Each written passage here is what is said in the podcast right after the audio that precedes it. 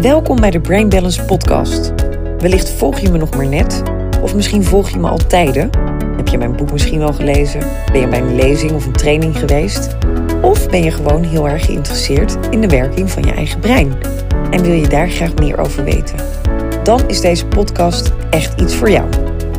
Een inspirerende talk die in het teken zal staan van onderwerpen die van belang zijn voor de groei, balans en ontwikkeling van onze hersenen. Want het geheim voor verandering zit in ons eigen brein. Ik ben Charlotte Labé en in de Brain Balance podcast neem ik je wekelijks mee in de wereld van het brein. Heel veel luisterplezier.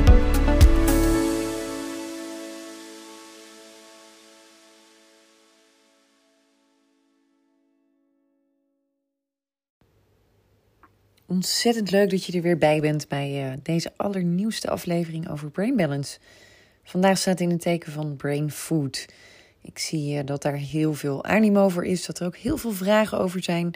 Van nou ja, hoe werkt het dan met voeding op ons brein? Nou, daar kan ik ook uren over kletsen.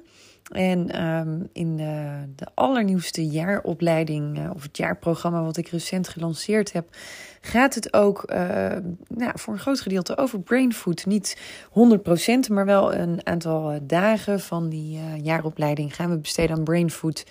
Omdat dit een onwijs belangrijk thema is.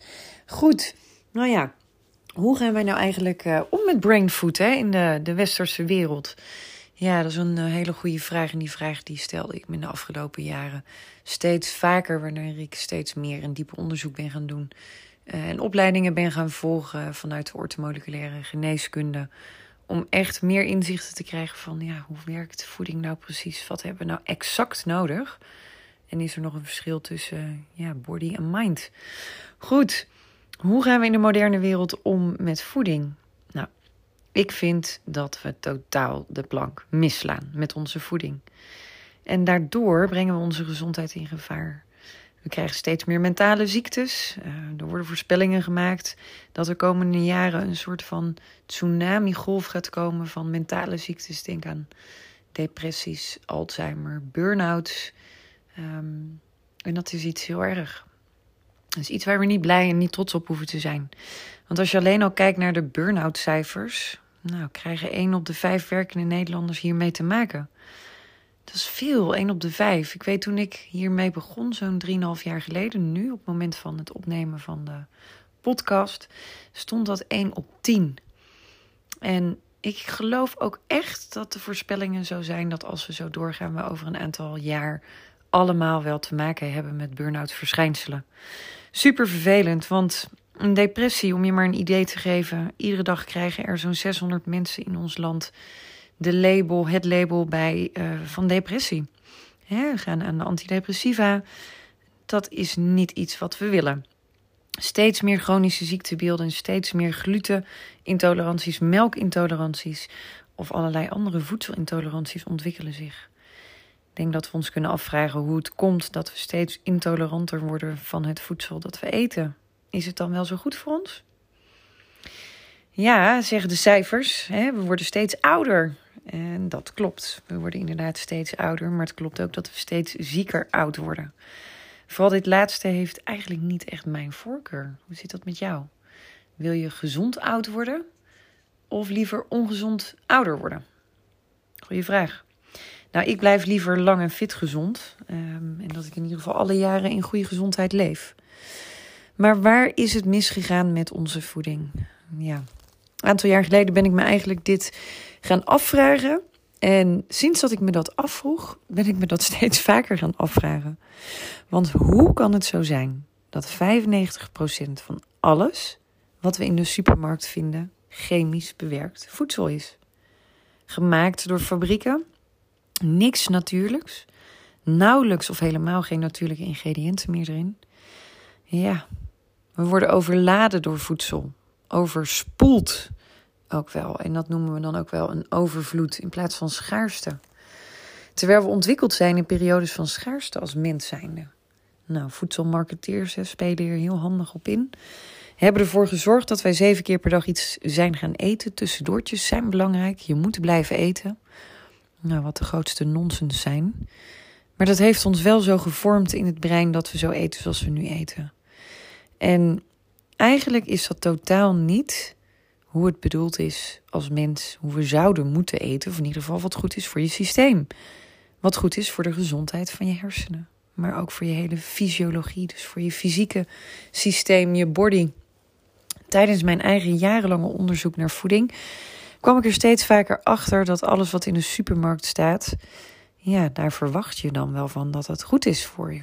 Maar als je goed gaat kijken en wat meer tussen de lijntjes leest, kom je er vooral achter dat het heel goed is voor de economie, maar totaal niet bevorderlijk is voor onze gezondheid.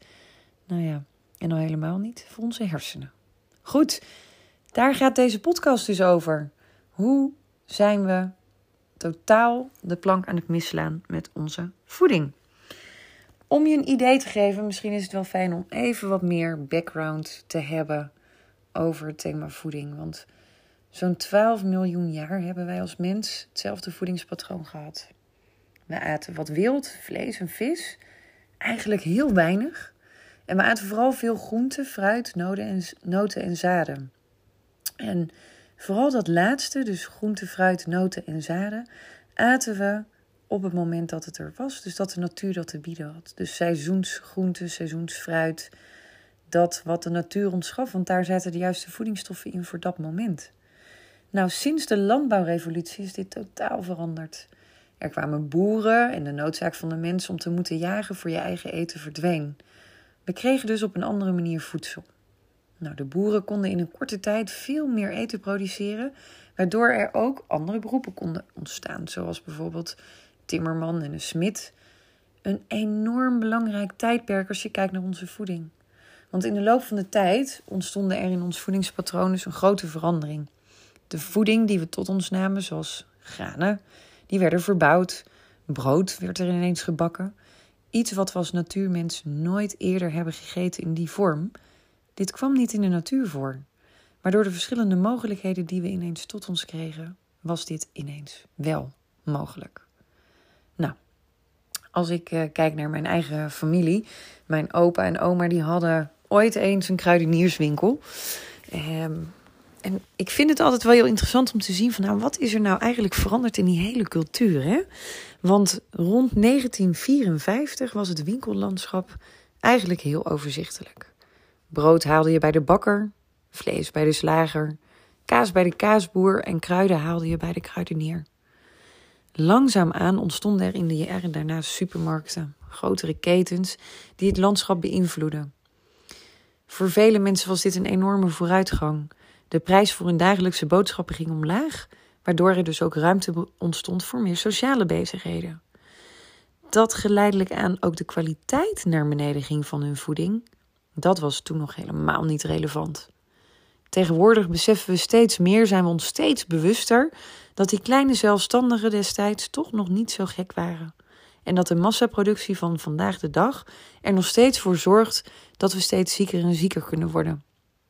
De hele verandering van landbouw naar de industriële revolutie heeft ons het zogenaamde westerse voedingspatroon gegeven. Steeds meer bewerkt voedsel, veel vlees, heel veel toegevoegde suikers en vet en nog veel meer behalve groente en fruit. Want als je kijkt hoe groot de groente- en fruitafdeling is in de supermarkt, is die bijna net zo groot als de afdeling van de koekjes. Nou, Misschien is inmiddels de afdeling van de koekjes wel veel groter dan groente en fruit. Om maar eventjes een vergelijk te maken. En als we dus eens heel eventjes kijken naar dat westerse voedingspatroon, eten we bijvoorbeeld, om je een idee te geven, drie keer per dag vlees.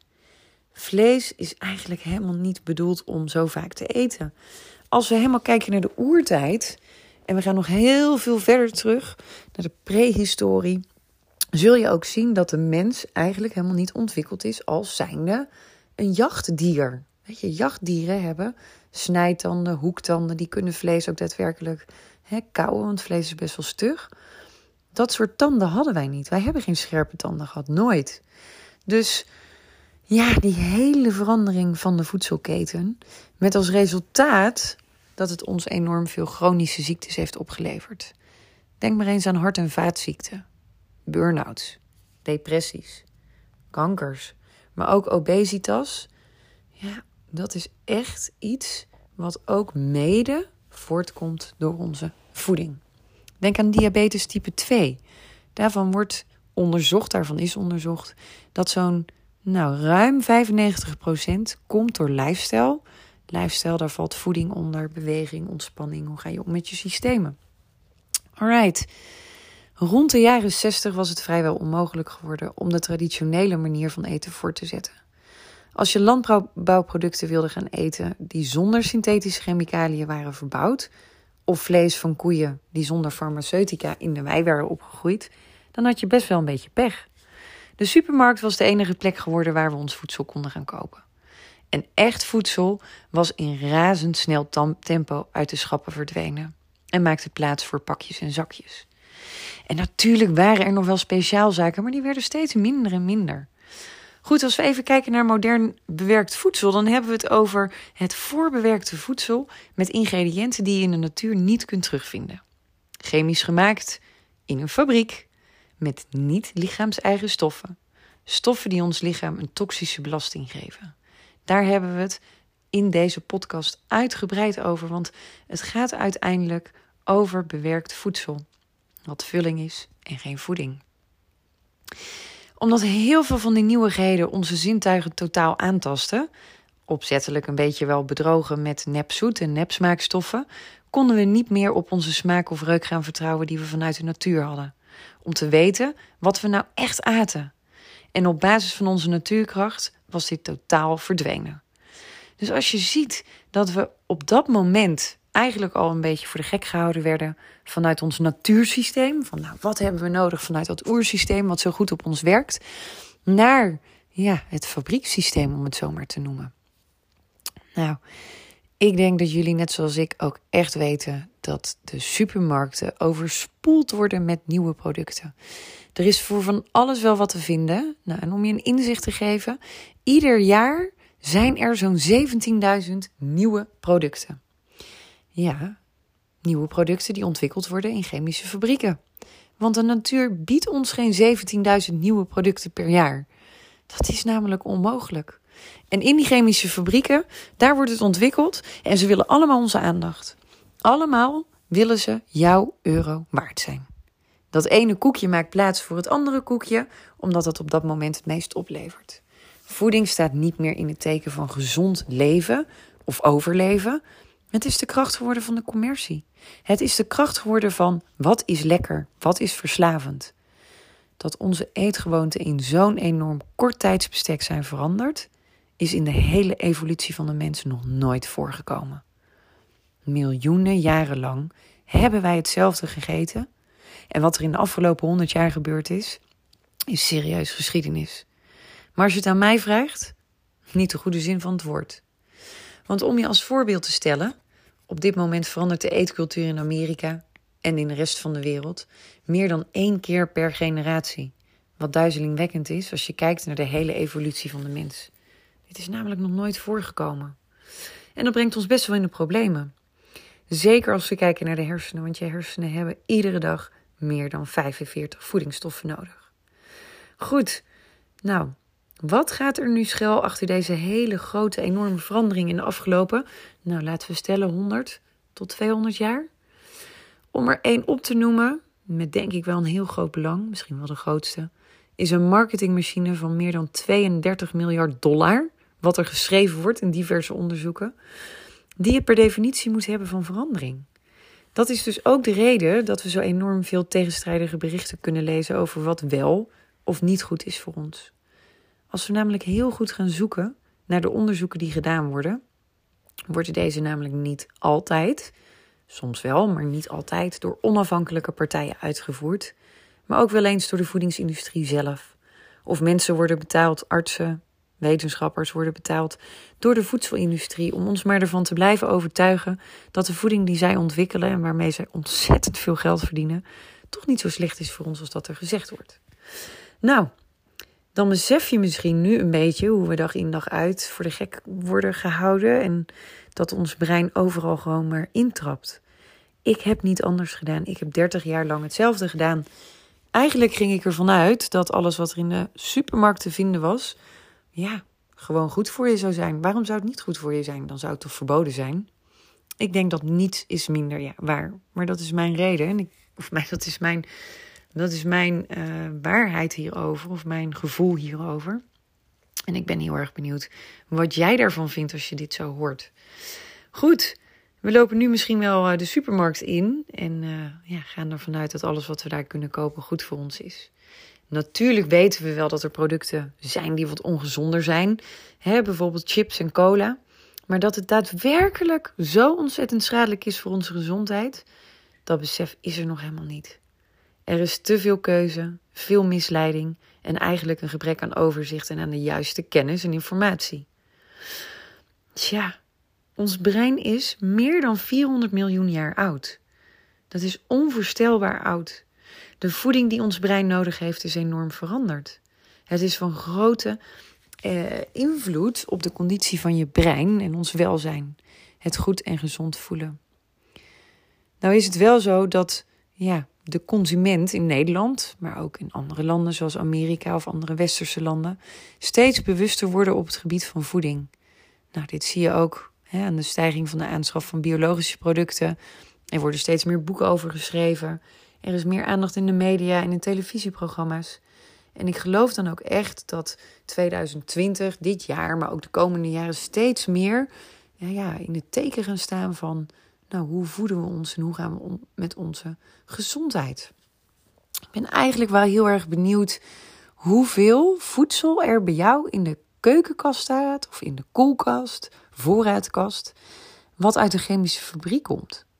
Denk bijvoorbeeld aan frisdrank, mayonaise, ketchup, mosterd, sauzen, pakjes, bakjes, alles wat een beetje voorverpakt is en niet vers zo uit de natuur komt, dat is eigenlijk chemisch ja, bewerkt voedsel. Je zou het nu meteen direct kunnen aanpassen. Als je zegt, nou ik wil dit niet meer, dan kun je die producten meteen uit je kast halen en doe je er afstand van. En niet eerst tegen jezelf zeggen, ik maak het eerst wel op. Het is namelijk echt super ongezond. Waarom zou je je hersenen en je brein dit aandoen? En weet je, een heel klein beetje is niet erg. Maar heel veel is wel heel erg. Als we nou kijken naar de hele verandering in voedsel in de afgelopen 100 jaar, dan is dat zo ontzettend veel. We komen namelijk oorspronkelijk uit een tijdperk waarin we als mens alleen maar natuurlijke voeding nuttigden. En in die periode zijn onze hersenen dan ook echt ontwikkeld. In die periode aten we alles wat de natuur ons gaf. We aten volgens de seizoenen. Die zijn er namelijk niet voor niks. We hebben met seizoenen te maken. En dat wat de, de natuur ons dan ook biedt, is op dat moment heel goed voor ons systeem. Alle producten ehm, hebben we dan op, vanuit de natuur hebben we op dat moment ook echt nodig. Nou, vroeger leefden we vanuit schaarste. We hadden soms momenten dat we dagenlang geen voeding hadden. We aten dan ook dagenlang niet. Nou, dat kun je een soort van vasten noemen. Daarom is dat intermittent vasten ook ontzettend populair. Dat is niet iets nieuws.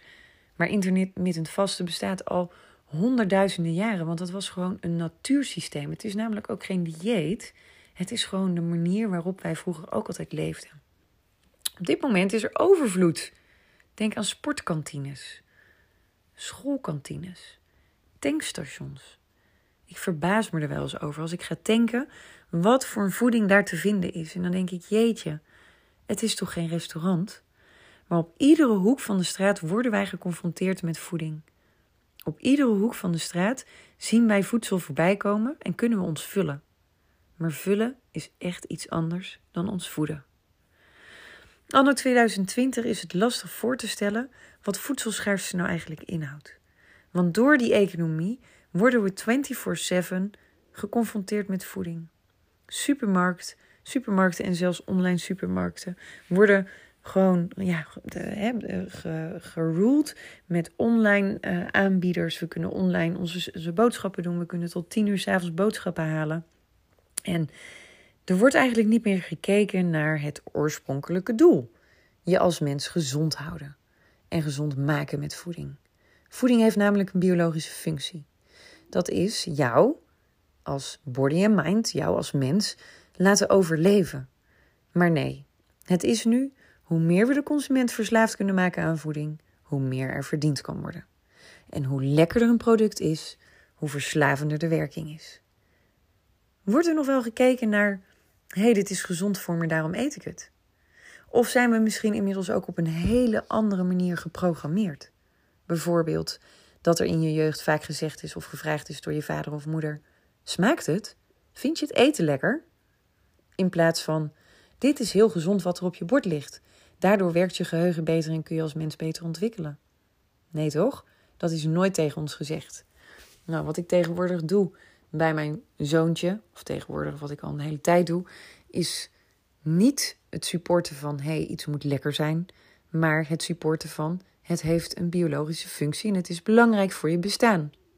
Dus op het moment dat hij aangeeft, mam, ik vind het niet zo lekker, wat altijd mag en kan, dan leg ik hem uit, Sky, het hoeft niet altijd lekker te zijn als het maar een goede functie heeft. En dit werkt heel goed voor je hersenen, maar ook voor je hart, voor je organen, voordat je goed in je energie zit, zodat je spelletjes kan spelen.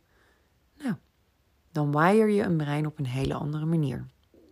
Goed, de oorsprong en waarom voeding voor ons door de natuur bedacht is, is dus door de hele revolutie in de afgelopen jaren, de voedingsrevolutie, totaal veranderd. Sorry, ik neem ondertussen even een slokje thee. Voor de moderne tijd was de mens totaal afhankelijk van de natuur. Er waren dus ook echt periodes van totale overvloed. Dan aten we zomaar drie weken lang iedere dag een groot stuk vlees. Maar er waren ook periodes van totale schaarste. Als vlees, vis, fruit, groenten, noten, zaden nergens te vinden waren, en dat was heel vaak het geval, leefden we op, net als onze voorouders, op alles wat er wel te vinden was. Misschien waren het kleine noten, misschien waren het kleine vruchten, planten. We hebben heel veel planten gegeten, zaden, noten, knollen, wilde graansoorten en zelfs ook insecten hebben we gegeten. Studies laten zelfs zien dat de plantaardige voedselbronnen wereldwijd ons als mens in meer dan 65% van de voeding voorzien heeft. Van alle belangrijke bouwstoffen. Terwijl slechts zo'n 25% voortkwam uit de jacht en het wild. Dus we aten echt gewoon nou, ruim 70% plantaardig. En nou, een klein percentage kwam echt maar vanuit dierlijke voeding. Graansoorten zoals haver en wilde tarwe staan al zo'n 3,5 miljoen jaar op ons menu. Maar let op, dit is iets anders dan het moderne brood wat we veel al nu eten in Nederland. Het is niet voor niets dat er zoveel mensen een glutenintolerantie hebben. Dit is namelijk een signaal van jouw systeem. Dat er voedsel binnenkomt wat eigenlijk niet goed verwerkt kan worden. Een intolerantie is namelijk geen allergie waarmee je geboren bent. Een intolerantie is iets wat je darmen, je systeem ontwikkeld heeft, gaande de weg dat jij aan het eten bent. Dus misschien eet je al 25 jaar brood en in één keer ben je er intolerant voor. Hoe kan dit? Dat is raar, toch? Volgens mij word je alleen maar intolerant voor iets wat of in overvloed binnenkomt en daardoor niet goed verwerkt kan worden, of als er iets binnenkomt wat überhaupt helemaal niet verwerkt kan worden en waar je systeem dus uiteindelijk een afkeer tegen krijgt.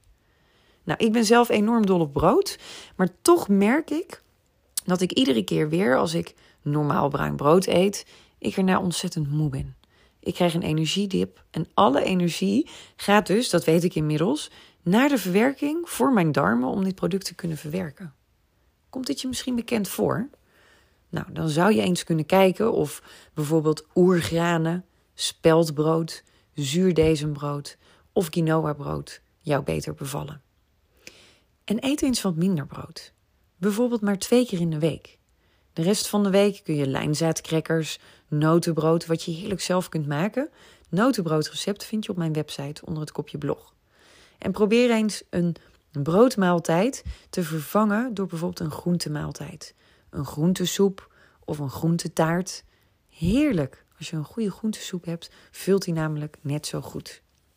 We zijn in Nederland onwijs gewend om, nou soms zelfs wel drie keer per dag brood te eten.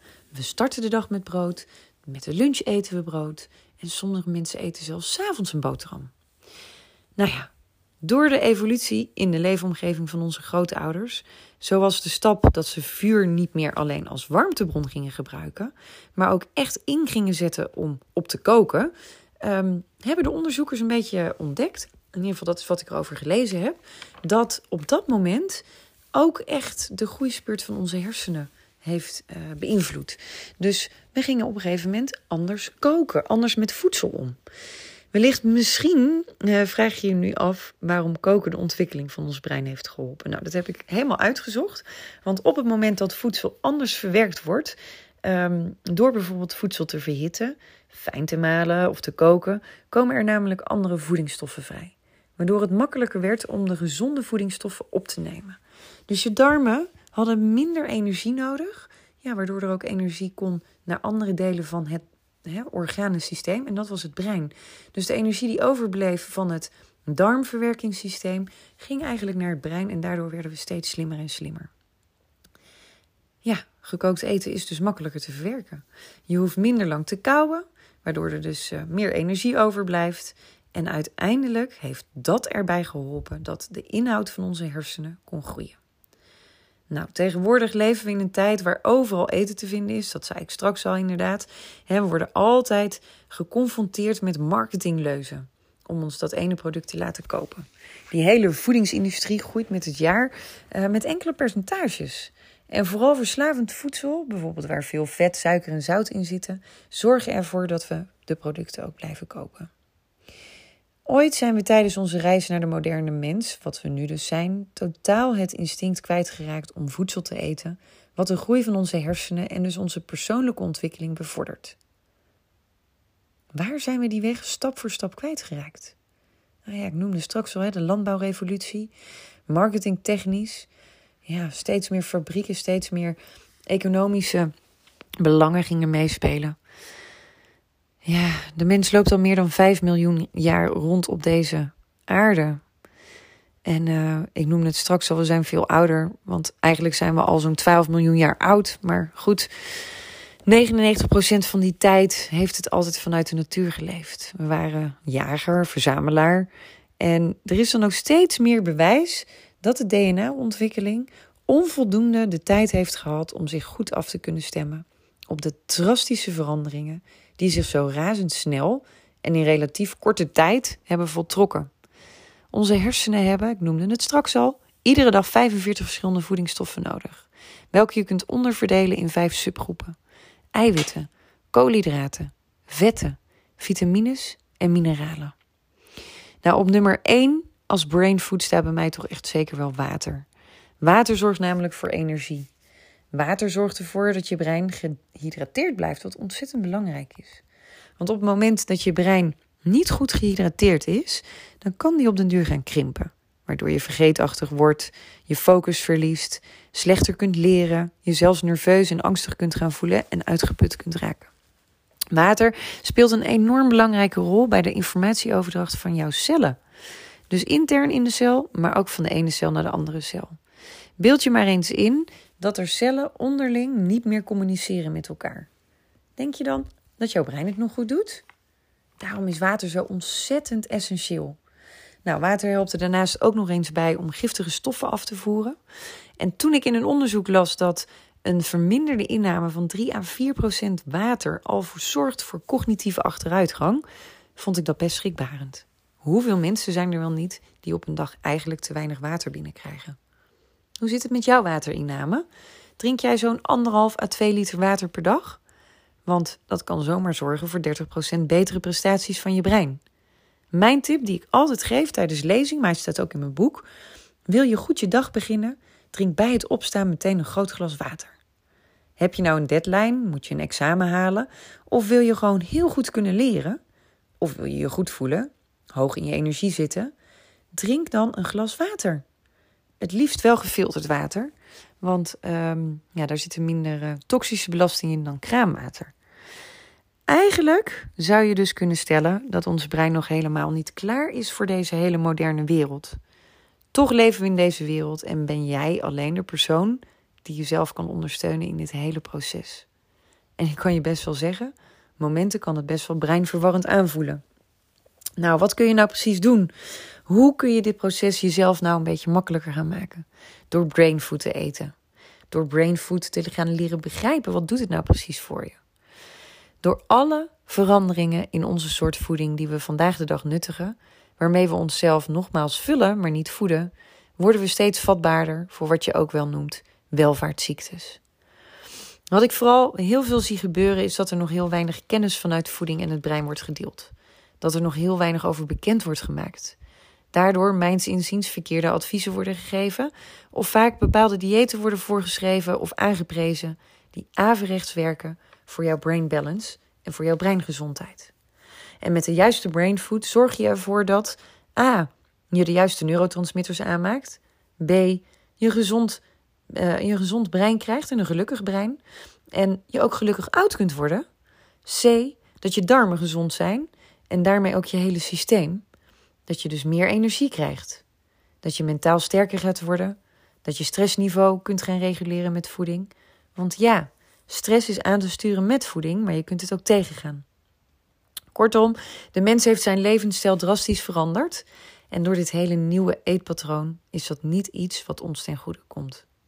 Eigenlijk is de conclusie van deze podcast dat voeding van oorsprong een biologische functie heeft. Naast ons gezond te houden, is het voor de evolutie van onze hersenen dus een must om de goede, juiste voeding te eten. Mocht je hier nou heel graag meer informatie over willen hebben, dan vind je ook meer informatie over het thema brain food in mijn boek Brain Balance. En natuurlijk ga ik ook meer uitleg geven tijdens mijn lezingen. In het jaarprogramma komt het ook uitgebreid aan bod.